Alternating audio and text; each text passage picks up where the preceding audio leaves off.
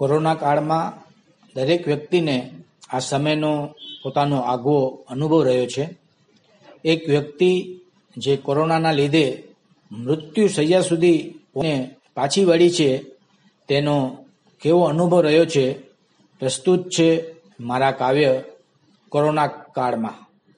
તો સાંભળો મારું કાવ્ય કોરોના કાળ.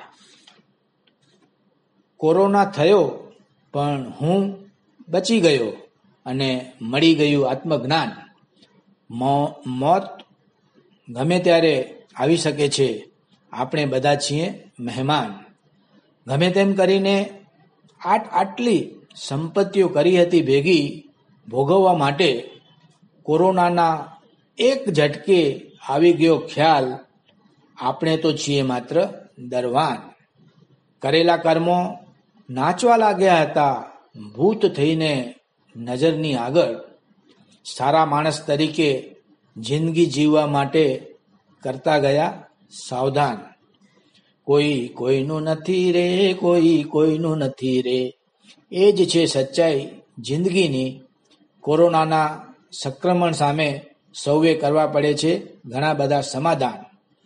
કોરોનાના લીધે તકલીફો તો ઘણી કરવી પડી સહન, પણ આ કોરોના આપી ગયો દિવ્ય ચક્ષુ. ધન્યવાદ ભગવાન. એક જિંદગી હતી કોરોના પહેલાની. એક જિંદગી હવે રહેશે કોરોના પછીની. ફરક રહેશે બહુ. હવે સાફ સુથરું છે મનનું આસમાન. ધન્યવાદ.